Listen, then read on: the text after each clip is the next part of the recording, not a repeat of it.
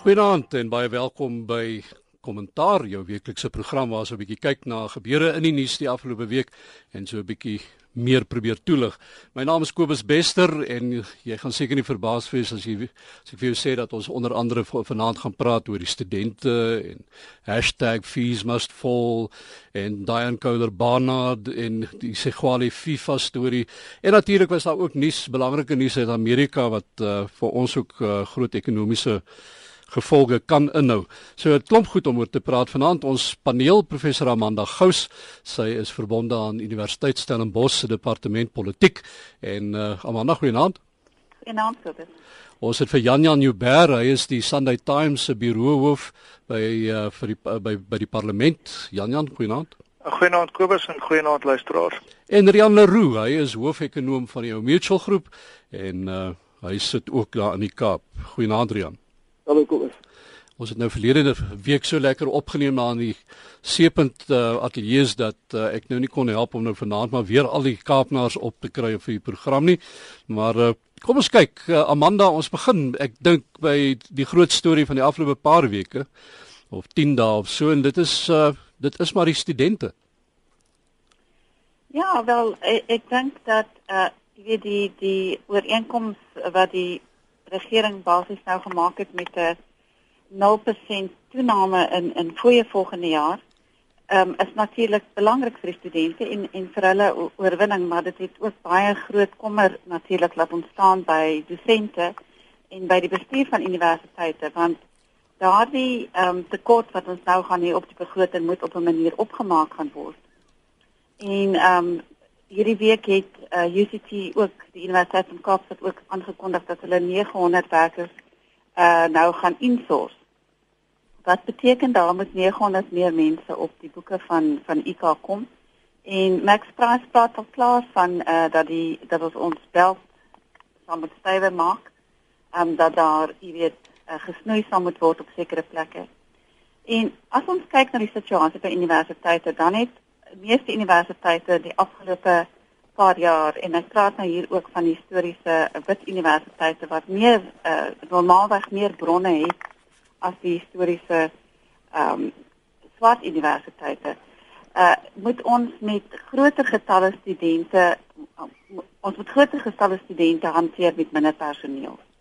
En dit is al klaar ehm, 'n um, groot kommer en in die geval van die Universiteit van Stellenbosch as ons parallel medium wil instel rondom taal, dan beteken dit ook dat klas gedupliseer moet word, so dit is meer werk. En dit gaan noodwendige impak op navorsing hê. So ek dink daar is in allerlei geleedere is daar um, kommer. Ehm um, aan die ander kant het ons ook baie simpatie met die studente in die sin dat ehm um, 'n uh, arm studente kry werklik swaar en dit gaan nie net oor klasgelde nie, maar dit gaan ook oor waar hulle bly of hulle kos het om te eet, um en uh, gevoel van dat hulle nie werklik omarm word as ware studente nie. So ek dink daar is allerlei dimensies aan hierdie studente protes. Maar wat wel totaal onaanvaarbaar is, is die vandalisme wat nou die afgelope week voorgekom het byvoorbeeld by IWK en in Mafeking. Um oor nadat daar besluite geneem is dat studente dit nie aanvaar nie en hulle dan wend tot tot vandalisme. Dit dra nie by om probleme op te los nie, dit dra nie by tot die saak van die studente nie. En ek dink dit is 'n dit is 'n groot kommer dat dit nou nog steeds aangaan in 'n week waar die meeste universiteite nou moet begin eksamens skryf. Meeste universiteite het nou hulle datums aangekondig en studente is baie gestres. So, jy weet, ek dink net dat dat daar nou 'n orde moet kom sodat ons net eenvoudig kan aangaan met eksamens en dan kan ons weer as ons klaar is met die eksamens kyk na watter um, aspekte van van die probleme wat hmm. studente het nog aangespreek moet word. Maar Jan Jan, uh, as ons nou kyk na wat hier gebeur het, uh, Amanda sê nou daar moet orde kom, uh, die die studente moet eksamens skryf, al die goed moet gebeur. Nou die vraag wat by my opkom as ek kyk na wat gebeur het. Uh die president, eers kom die minister van hoër onderwys, uh Blyden Zimande en hy kondig 'n 6% verhoging aan. Dan kom die president uiteindelik en hy sê 0% en hy gee pad uit die land uit en hy stuur onmiddellik aan na sy buiteland toe. Ehm um, so die die leierskap wat 'n mens sou verwag het of sou wou gesien het in hierdie krisis het totaal ontbreek en en ek moet sê ek ek moet 'n paar van die die die fisiekanseliers daarbey insleep. Uh, dat daar nêrens gesien is dat iemand leiding neem hier en sê goed hier is 'n manier om die ding op te los of hier is 'n manier hoe ons dan die ding kan kyk om hierdie ding by te lê nie. Wel, ek dink daar's 'n paar goed wat jy nou genoem het wat belangrik is.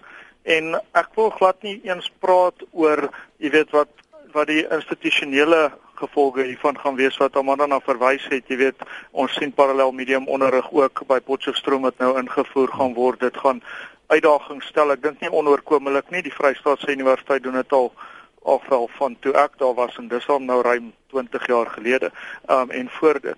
Maar um daar is 'n paar goed wat my baie bekommer. Die eerste is dat dit nie vir die president was om te sê dat daar enige um geldelike besluite geneem moet word by die universiteite nie. Daar was 'n totaal onwettige aankondiging. Dit berus by die rade van die universiteite en ons moet baie oppas dat met hierdie gebrek aan leierskap wat jy na verwys het en met die feit dat klaarblyklik almal nou net na vinnige oplossings soek en niemand ruggraat toon nie dat ons die beginsel van akademiese vryheid begin ondergrawe want as die regering kan begin besluit heeltemal onwettig wat die um verhoging in studiegelde moet wees Wanneer besluit hulle wat moet um, wat moet onderrig word? Wanneer besluit hulle dat iets soos um, dat jy nie afgedank kan word nie tensy jy nou ongrondwettig optree maar security of tenure, ek weet nie presies wat dit in hmm. Afrikaans is nie, dat dit begin nou gaan nie. So hier's 'n paar belangrike goed. Die eerste is daar is geen manier dat hierdie goed dat dat hierdie 0% besluit goed is vir universiteite in die medium of die langtermyn of selfs die korttermyn nie. Want dit beteken ons gaan presies dieselfde probleme hê volgende jaar in Junie en volgende jaar hierdie tyd. Want niemand gaan nou ooit weer meer wil betaal nie. Dit het mos nou een keer gewerk. Nou hoekom gaan nou ooit weer luister as daar besluite geneem word deur universiteite oor geld waarvan hulle nie hou nie, die studente nou.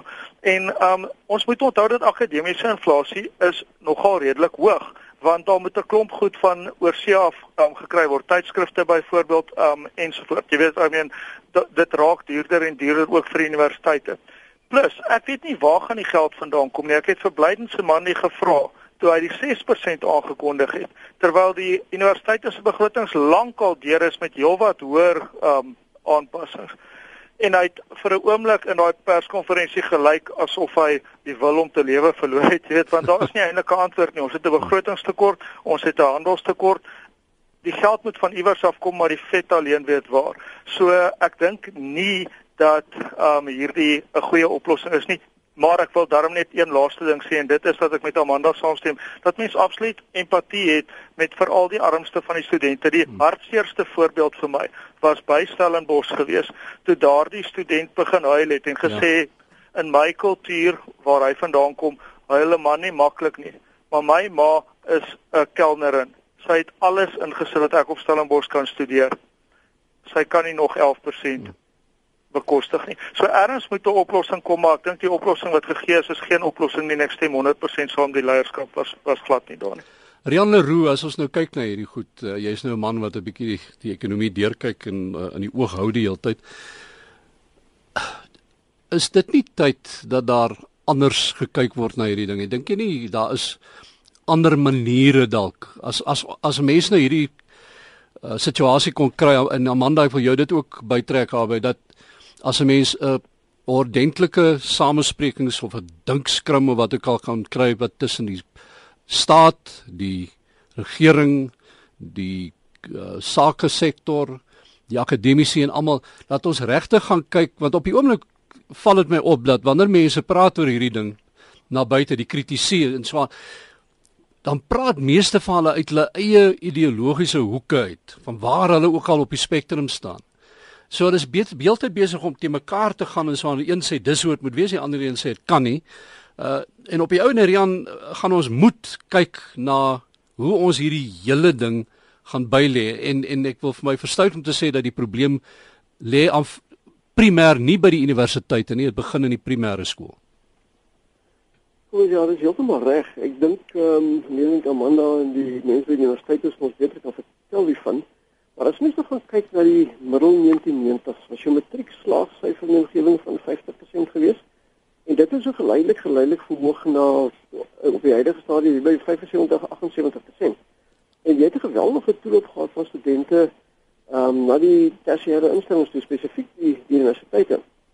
En soos ons weet, die um, befondsing van die staat het afgeneem en dit die universiteite onder geweldige druk gesit. So die die, die probleem is, jy weet dat dat ons mos eintlik al anders oor hierdie begin dink het 10 jaar gelede. Dit maar nou sit ons met 'n krisis. Nou die studente in die strate is. Nou sit ons met 'n krisis. En ek dink jy is heeltemal reg as jy sê ons moet anders dink oor hierdie tipe goed. Maar dis nie anders te dink oor oor onderwys nie. Dis ook anders te dink oor hoe ons die ekonomie bestuur. Jy weet, ek dink hmm. een van die goed wat ek die afgelope tyd nog baie oor praat by um, by aanbiedings sulke goed is die feit dat die, die staat en die private sektor en en die die vakbonde weet hulle sit nie vir nie langs dieselfde vuur nie. Ehm um, een van die goed wat die nasionale ontwikkelingsplan vir ons sê as as Suid-Afrika suksesvol wil wees, dan moet daar weet 'n uh, 'n uh, gemeenskaplike visie wees van hoe moet ons hierdie goed bereik. So weet baie keer kry mens eintlik net vordering as jy eers 'n krisis het. En krisisse ontstaan Ek sê dit altyd net op drie plekke, enige plek in die wêreld. Is in die strate, is in die finansiële markte of in die kop van die beleidsmaker. So wat mense sal hoop is dat hierdie krisis wat ons in die strate gekry het, ehm um, op 'n stadium en op 'n manier sal weerspoel na die na die beleidsmakers, weet en en en ek praat hier vir alle rolspelers, nie net mense in die regering ek praat ook vir mense in die private sektor. Dit is werklik waar om die tafel gaan sit en sê, nou wat is die beste oplossings vir Suid-Afrika? En nie net vir onderwys nie, maar jy het 'n hele klomp goed insluit nou ons ekonomie bestuur. Amanda? Ehm, um, kom as ek kan nie vir vir Pieter hoor nie. So ek kon nou nie hoor wat hy gesê het nie. Ehm um, Goed, ehm um, ek weet nie hoe ons daai probleme gaan oplos nie. Ek gaan vir verloots vra om net 'n bietjie sy kop te krap hier. Ehm um, um, ek sal kan aansluit daarbey en ehm um, hmm. en ek hou nogal van van van sy stelling dat dat dit 'n geleentheid is. Jy weet Suid-Afrika het 'n fenominale manier om probleme op te los in die donkerste van tye en ons is nou nie verskriklik ver wat universiteite aanbetref van die donkerste van tye nie. Um so miskien gaan hierdie 'n mate van van ekwilibrium en nadink bring want wat wel waar is en en en um en wat Amanda ook na verwys het is dat in reële terme is die um finansiering van universiteite besig om af te neem terwyl die studente getalle besig is om toe te neem. Nou daai punt word nou al donkie jare gemaak deur omtrent enige iemand wat enige iets weet van van hoër onderwys, maar dit word met groot vreugde geïgnoreer deur die regering. So miskien gaan daai waarheid nou ten minste bespreek word en dalk kry ons een of ander manier van oplossing want die een ding wat wat ek weet en um is dat in hierdie land op 'n manier kry ons altyd dinge gedoen. Ek meen as jy kyk na logika, moes ons lank al 'n revolusie gehad het. Die enigste rede hoekom ons dit nie het nie is omdat mense wil hê die land moet werk. En hierdie is miskien 'n baie goeie geleentheid om realisties te begin kyk hoe universiteite kan werk. Nou, ek kan kan ek net daarbey aansluit in die sin van ek dink dat ons ons kan werklik nie net na tersiêre onderrig in in isolasie kyk nie. Dit moet daar moet ander gegee word na primêr en, en sekondêr want ek dink van die probleme wat ons het by universiteit is dat ons baie remedierende werk doen. So werk wat wat jy eintlik die inhoud van jou vak behandel moet word ook verwater omdat jy uh moet remedierende werk doen. So as ons nie die die krisis in in die sekondêre onderwys byvoorbeeld oplos nie, dan het dit nog steeds 'n impak op universiteite. En ek dink 'n bron ehm um, van van befondsing en dit was nou vandag in die koerante is om die CETAs te kyk na die CETAs het 'n 5 miljoen ehm um, uh besparing. 5 miljard besparing. So daai geld kan gebruik word. Maar die CETAs doen nie eintlik vreeslik baie um, om om mense op te lei nie in die sin dat daar 'n groot klomp van administrasie is. So dan moet gefokus word op wat is die vaardighede wat ons nodig het. Hoekom het sekere mense universiteitsopleiding nodig en hoekom het ander mense 'n ander tipe opleiding nodig?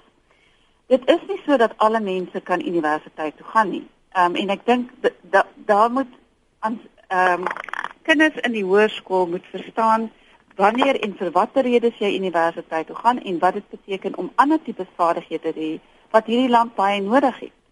Ehm um, ek dink daar is hierdie hierdie idee dat ehm um, om universiteit toe gaan gaan jou in die middelklas ehm um, inbring. En dit is waar, maar dit is nie die enigste manier nie.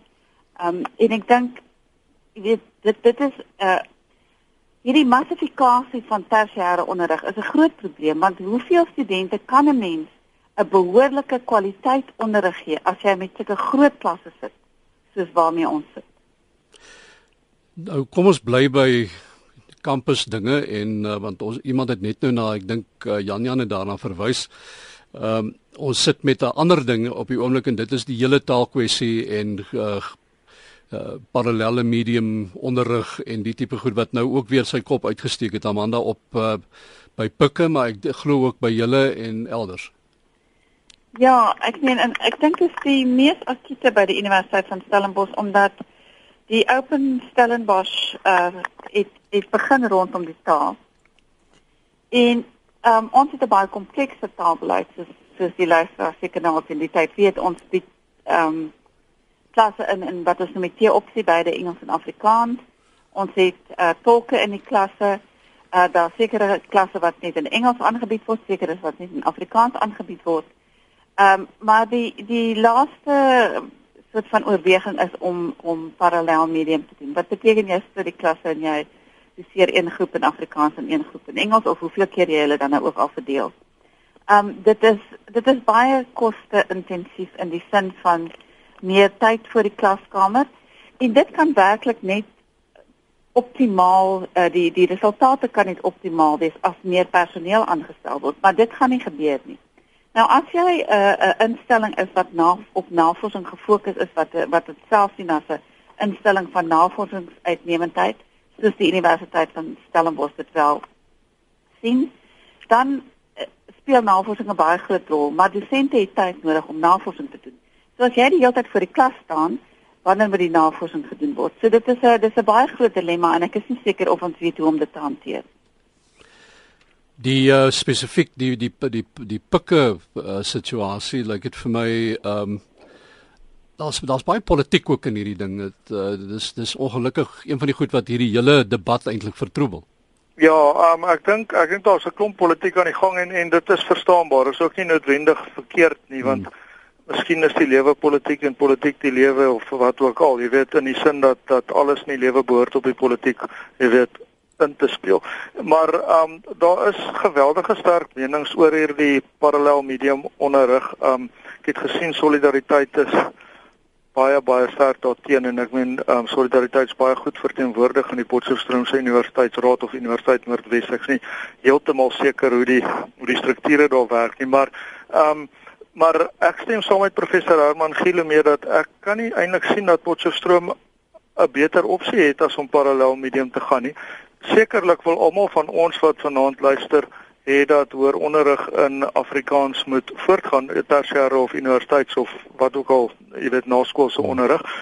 Maar um die groot ding hier is dat dit is tog so dat as jy as jy 'n Afrikaans klas gee en mense kan dit nie verstaan nie dan sluit jy daardie geleentheid vir hulle uit en dit is die les van 1976 En jy weet ons kan hierso sit en mekaar warm bak en net sê wel daar's soveel universiteite wat nou wat nou nie Afrikaans is nie, so daar moet seker 'n paar wees wat Afrikaans moet wees. Maar in hierdie land um is dit onrealisties. Dit is polities onhoudbaar want dit word gesien as 'n vorm van uitsluiting en dis 'n geveg wat Afrikaans nie gaan wen nie. Dis hoekom ek dink Potchefstroom gaan die regte besluit geneem. Goed, kom ons kyk 'n bietjie na die ekonomie en uh, ons het hierdie week gehoor Jan Leroux dat uh, die Fed, die Amerikaanse Federale Reserve Raad, hulle reservebank, ehm um, sê dat hy oorweeg dalk 'n uh, verhoging in rentekoerse in Desember en dis iets wat groot implikasies ook vir ons het. Kom ons jare reg, ons moet 'n bietjie teruggaan in die geskiedenis. Ehm um, jy sal onthou dat die laaste keer wat die Amerikaanse Reservebank rentekoers verhoog het, was in Junie 2006. So jy weet, ons praat nou van meer as 9 jaar gelede. Ehm um, en die verwagting dat hulle rentekoerse gaan verhoog op een of ander stadium, weet, dit is nou 'n geruime tyd in die markte. En ehm um, in die September vergadering wat hulle gehad het, het hulle op die ou ende rentekoerse nie verhoog nie. Ehm um, en en een van die goed wat hulle gesê het destyds is dat hulle was 'n bietjie bekommerd oor die swakheid in die wêreldekonomie en wat dit potensieel in die Amerikaanse ekonomie kan doen en ook dat dit inflasie wêreldwyd uh, verder laag sal hou.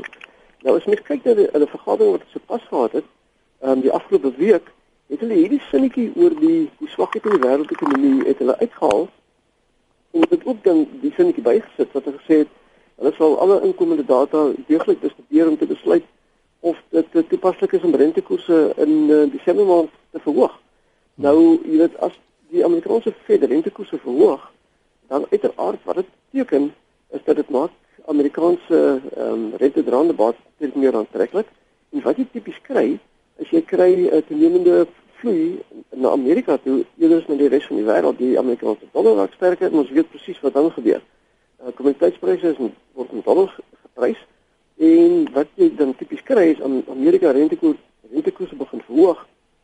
Dan raak die dollar sterker, kommoditeitspryse raak swakker en die geldinne van ontwikkelende lande kom onder druk. Nou weet die proses van rentekoersverhoging in Amerika het nog nie begin nie en hierdie proses van dollarversterking en kommoditeitsprysdalings is reeds aan die gang. Die vrees is natuurlik dat indien Amerika rentekoerse nou wel in Desember sou verhoog en selfs uh, nog daarna dat jy 'n herhaling van die proses kan kry wat nog geruimtyd uitspeel en ons dit is baie sleg vir kommoditeitsprodusente insluitend in Suid-Afrika. So ons moeilikheid wat op die oomblik nie sit om nie net uit Suid-Afrika self nie, maar ongelukkig ook in die res van die wêreld uit nie. Hmm. Vrees ehm um, ek kan nie sien dat dinge internasionaal baie gou baie beter vir ons gaan raak nie. So ek dink ons gaan maar 'n redelike moeilike 2016 ook hê. Maar ons het 'n redelike moeilike 2015 gehad. Het. En dit dan saam met 'n tyd wanneer ons op groot droogte afstuur of reeds daarin is. Ehm um, ons het uh, druk op ander ter, uh, uh, gebiede ook as ons net kyk na ons tekorte. Ehm um, dan uh, is dit regtig nie goeie nuus hierdie dat uh, Amerika wel daai stap kan begaan nie.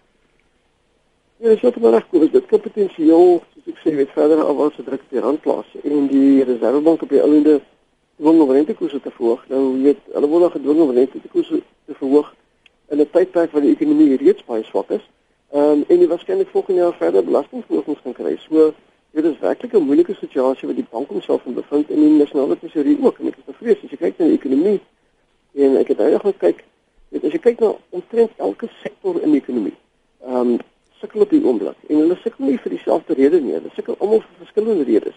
Die gevolg is dat daar's nie een maklike oplossing om die ekonomie beter te laat bestuur nie. Uh jy weet dit is verskillende oplossings vir, vir verskillende probleme. Hmm. En ehm um, so die ek is bevrees in die kort termyn is die vooruitsigte nie besonder rooskleurig nie. Maar ek dink spesifiek moet te negatief raak nie. Ek dink ek nie goed ek mense gedagte moet hou is dat soos die een effe baie duidelik en baie gereeld sê, 'n geldeenheid is daardie aanpassingslas. As as 'n land in moeilikheid is, dan pas jou geldeenheid aan. En die geldeenheid help natuurlik uh, op die ou einde om jou invoere minder te maak en jou uitvoersektore te stimuleer en met die tyd help dit om die ekonomie beter te bestuur. So ek dink die rand wat nou redelik skerp gedaal het en die wêreldekonomie nou nog nie 'n redelike tempo groei nie baie sterk nie. Ehm um, dit hopelik sou ons uitvoerders hierdie geleentheid benut weet en en meer van uitvoermarkte gebruik maak ehm um, met hierdie swak rand wat ons nou mee sit. So ek dink as ons kyk na volgende jaar kan ek nie dink dat die ekonomiese groei koers juis hoër gaan wees as vir jaar se 1.5 nie. Maar hopelik as mens kyk na 2017 die wêreldekonomie dan begin beter presteer, dat ons dan 'n bietjie beter kan kan presteer as as wat tans geval is. Terug na die politieke bietjie en uh Jan Jan Daen Kouler Barnard, ehm um, en die hele ding rondom haar uh daar's uh, diegene wat natuurlik nou heeltemal saamstem met uh die besluit om haar heeltemal uit die party uit uit te skop. Uh maar daar's 'n klomp ander mense wat voel dat hier is politiek of of onderlinge striwelinge aan die gang en uh, sy is besig om aan die kortste end te trek hier. Ja, ehm um, ek dink die DA het drie groot probleme, twee grootes en een kleiner een op die oomblik. Die die eerste is ehm um, ek gaan eers voor ons by daai in Kolobanaar kom. Dinsdag gaan gaan die vet in die vuur wees hier in die parlement wanneer ehm um, Musima Imani die DA leier aangekla word voor die etiekomitee dat hy nie sy belange korrek verklaar het nie. Hy het hmm. nie die um die donasies wat hy gekry het toe hy teen Dr. Wilmot James gestaan het vir die leierskap van die DA verklaar nie. Dis 'n geweldige ernstige oortreding. Um die snaakse ding daarvan en dis waar dit op daai in Kolobana inspel is dat toe die dinge nou aan die lig kom, die ANC moet ek sê was baie wakker daar die res van ons en die DA het dit heeltemal gemis. Ek dink hulle het net vergeet, maar mense het nie daai opsie nie. Um toe toe hy nou uitgevang word dat hy nie sy belange korrek verklaar het nie. Eers sê die DA niks het daar was niks verkeerd nie.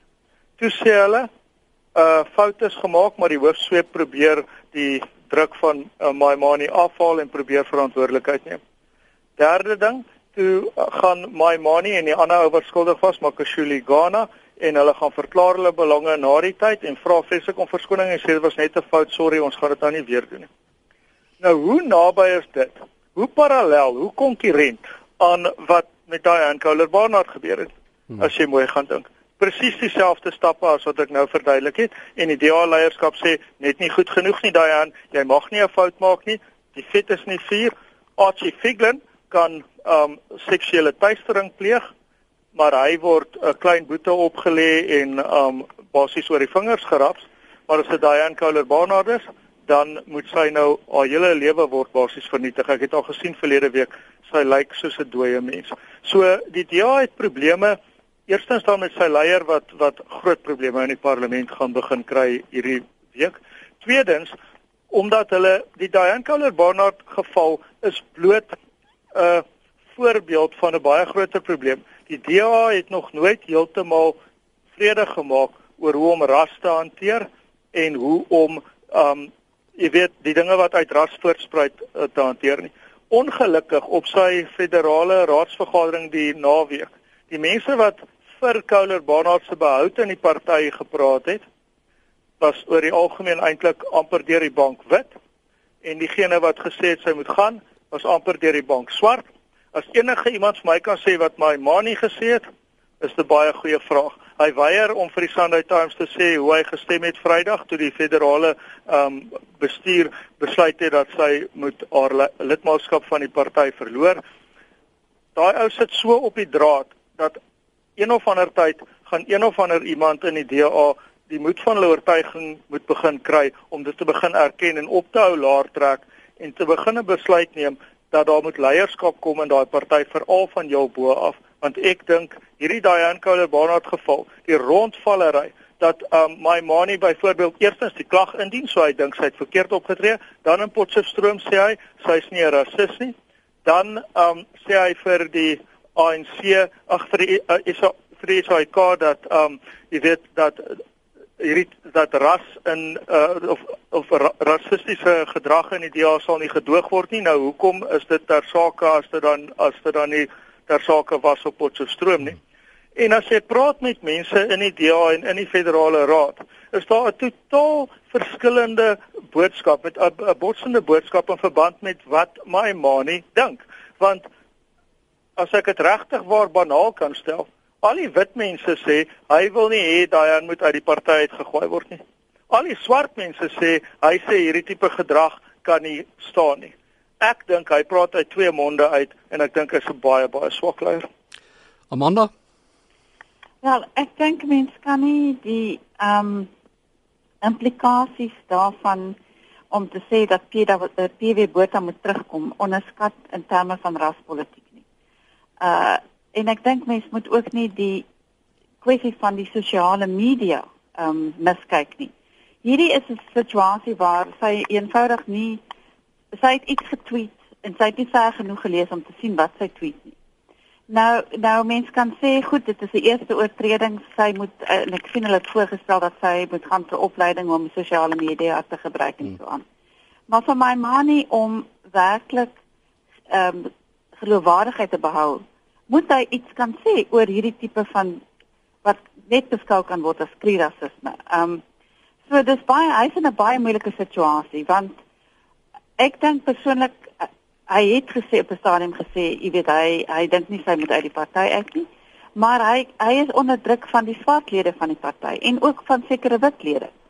Ehm um, en en dit het nou basies 'n krisis in die DA veroorsaak.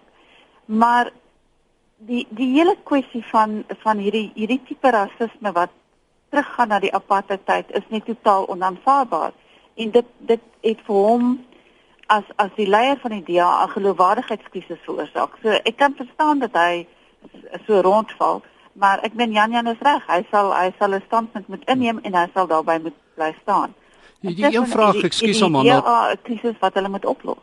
Die vraag wat ek wil vra is dat jy weet as die die die stuk waaroor hierdie hele omstredenheid gegaan het. Ehm um, en miskien het ek uh, dit verkeerd gelees maar en uh, maar die die indruk wat ek gekry het was nie dat daar 'n uh, rassistiese ondertoon was nie, maar eerder dat dit 'n tipe satire was net om eintlik te sê hoe erg voel hierdie mense oor meneer Zuma. So was ja, dit ja, nee. werklik Jan Jan? Nee, ek sou nie daarmee te saamstem nie. Nee. Um ek hmm. dink ek dink as dit satire was, satire werk net as almal dink dit is satire hmm. en hmm. ek dink in daardie geval was dit as dit satire was deksels goed weggesteek. Hmm. Nee, um na die tyd maak as mense die verkeerde ding sê dan sou hulle mos maar geneig om na die tyd te sê ag nee wat ek het sommer net 'n grappie gemaak, wel dis nie hmm. goed genoeg nie. So ek dink kyk, daar's geen kwessie dat hy en Couler Barnard 'n fout gemaak het nie as jy haar ken en uh, baie mense ken haar so, sy's haastig van geaardheid.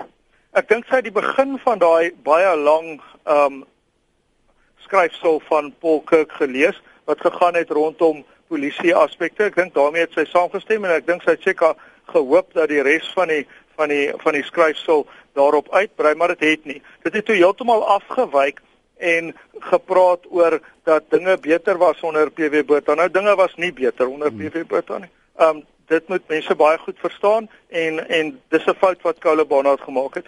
Wat ek nie kan begryp aan wat hier gebeur het nie, is sy het mos nou om verskoning gevra. Sy is mos nou 'n geweldige sterk straf opgelê deur die federale regskommissie van die DA. Nou as ons in hierdie land die vermoë verloor om wanneer iemand 'n fout gemaak het en hulle dan absoluut nederig om verskoning vra en sê jammer, ek het nie gedink nie. Natuurlik het ek nooit vir PW Botha gestem nie. Kyk, daai Ankoler Bonner is die mees onwaarskynlike nasionale partytjieser wat jy al ooit gesien het. Um maar um dan weet ek nie waar ons op pad heen nie. Daar's vir my 'n verskriklike nydigheid los in die land. Jy sien dit binne in al die politieke partye. En ek dink die DA sou goed gedoen het om verslag by sy mense te staan want wat hulle nou gedoen het is om toe te gee op wat basies die ANC wou gehad het en my manie het net gewoon geen lyn getrek nie. Geen mens weet wat hy dink hieroor nie. En dit dit is dis die probleem want ek meen uiteindelik op die ou end hy praat baie goed. Hy lyk goed wanneer hy in die openbaar praat vir al sy vooraf bereide toespraak aflees. Maar waarin glo hy werklik? Dis 'n vraag wat ons al vra van 2011 af en dis selfs meer ter sake na hierdie naweek. Toe gaan uh, Masheri vroue liga ruk op na die Unie gebou toe Amanda. Ehm um, hulle sê hulle staan op vir die waardigheid van die president. Wel as as die ANC vroue liga nou bewys hoe irrelevant hulle is dan het hulle dit nou absoluut reg gekry. Ek meen dit is 'n 'n vroue liga wat 'n manlike president beskerm wat nog nooit iets gedoen het vir vrouens. Met ander woorde, nie rondom kwessies van vroue sake nie, nie rondom sy eie gedrag in terme van sy uh sy eie huishouding met met vroue nie. Um en as ons gaan kyk na die noodsaak daarvan dat die dat die vroue liga gesien moet word. Um om basies um vroue sake aan te spreek dan het ons nou 'n lang geskiedenis hier van van hoe die die vroue liga basies hulle self verbind aan die faksies binne die ANC.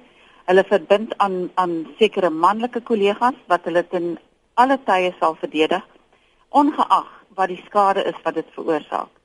En dit is die probleem van 'n van 'n partyvleuel, 'n uh, 'n women's wing. Um uh wat wat binne die kader van nasionalisme staan. Met ander woorde, hulle eh, die ANC is 'n nasionalistiese party en hulle ondersteun nasionalisme. So dit is nie uh hulle kan hulle self nie losmaak van daardie manier van nasiebou nie. En wat hulle doen is om nou te sê, goed, ons uh president is beleer, uh, hy word beledig, uh kom ons ondersteun hom.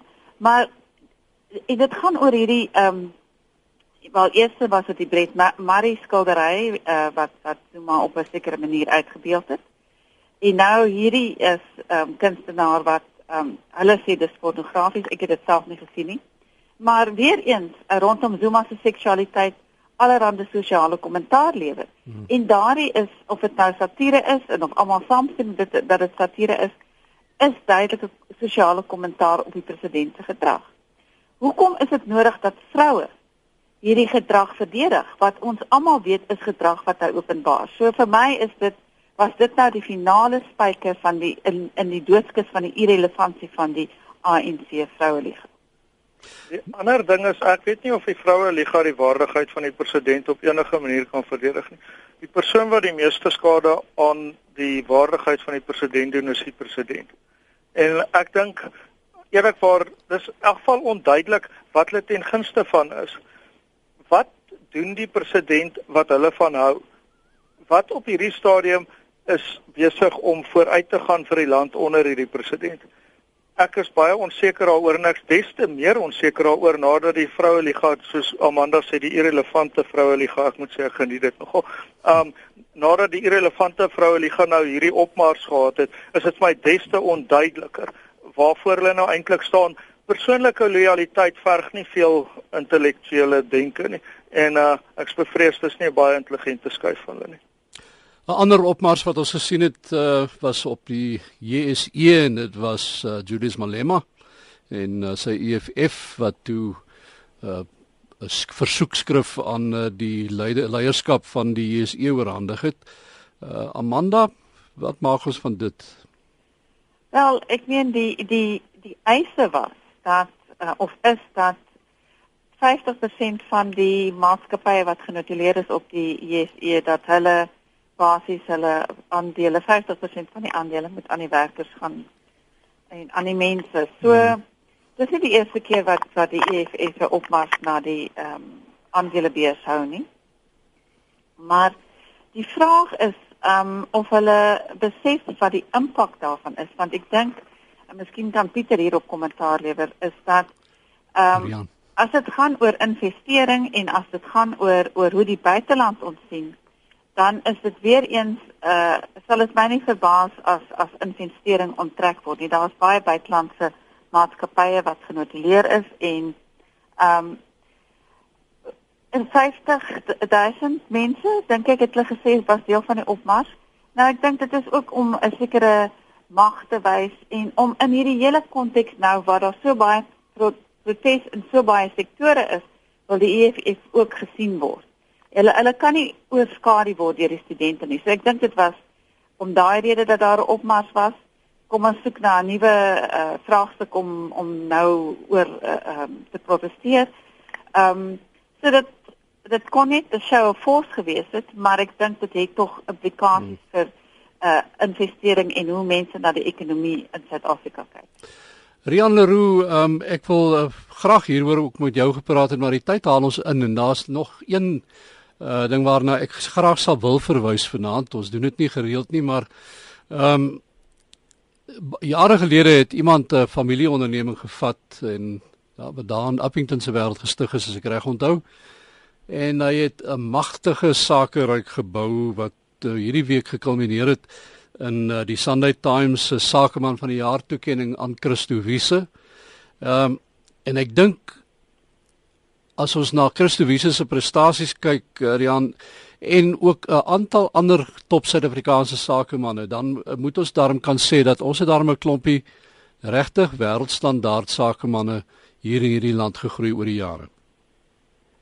Dis ja, dis heeltemal reg. Ehm um, jy weet, jy sê daar's 'n hele klomp ander ehm um, sakemanne wat werklik wêreldklas is en nie net sakemanne maar ook ehm um, Suid-Afrikaanse besighede wat werklik wêreldklas is. Ons het tyd gesien met Eva Brouwerye uh, wat nou wêreldwyd uitgebrei het en, en nou begin uh, word weer index. So die die, die potensiaal is hier so. Ons is nie net in die uh, sa op die sakegebied nie, neem ons gaan terug na die mediese gebied. Jy kan daar's baie gebiede wat jy op kan terug en sê jy weet Suid-Afrika het eintlik baie potensiaal. En ek dink Christus het baie duidelik gestel, ook in mooi gestel in sy in sy toespraak wat hy gemaak het. Hy gesê Suid-Afrika is nie wat hy behoort te wees en waar hy behoort te wees nie. Maar hy is ook nie ehm um, sleg as wat dit potensieel kan wees nie. Hmm. Ek dink iewers moet ons probeer om Suid-Afrika se sterkpunte te neem, weet en, en werklik wat 'n suksesvolle land te maak. Ek wil net een vinnige kommentaar maak oor die EFF se se se oplossing nie anders. Ja. Dit hulle eise is is werklik totaal onhaalbaar en ek dink almal besef dit en dit wat hulle eis genooi gebeur nie. Maar weet soos Amanda ook baie heeltemal reg opmerk, wat dit wel doen, is dit skep 'n toenemende vrees dat ekonomiese beleid in Suid-Afrika al hoe meer populisties gaan raak, want die populistiese druk raak al hoe meer raak al hoe sterker. Jy weet in in binne hierdie omgewing raak dit baie moeilik vir die regering om dan meer na die nasionale ontwikkelingsplan te beweeg.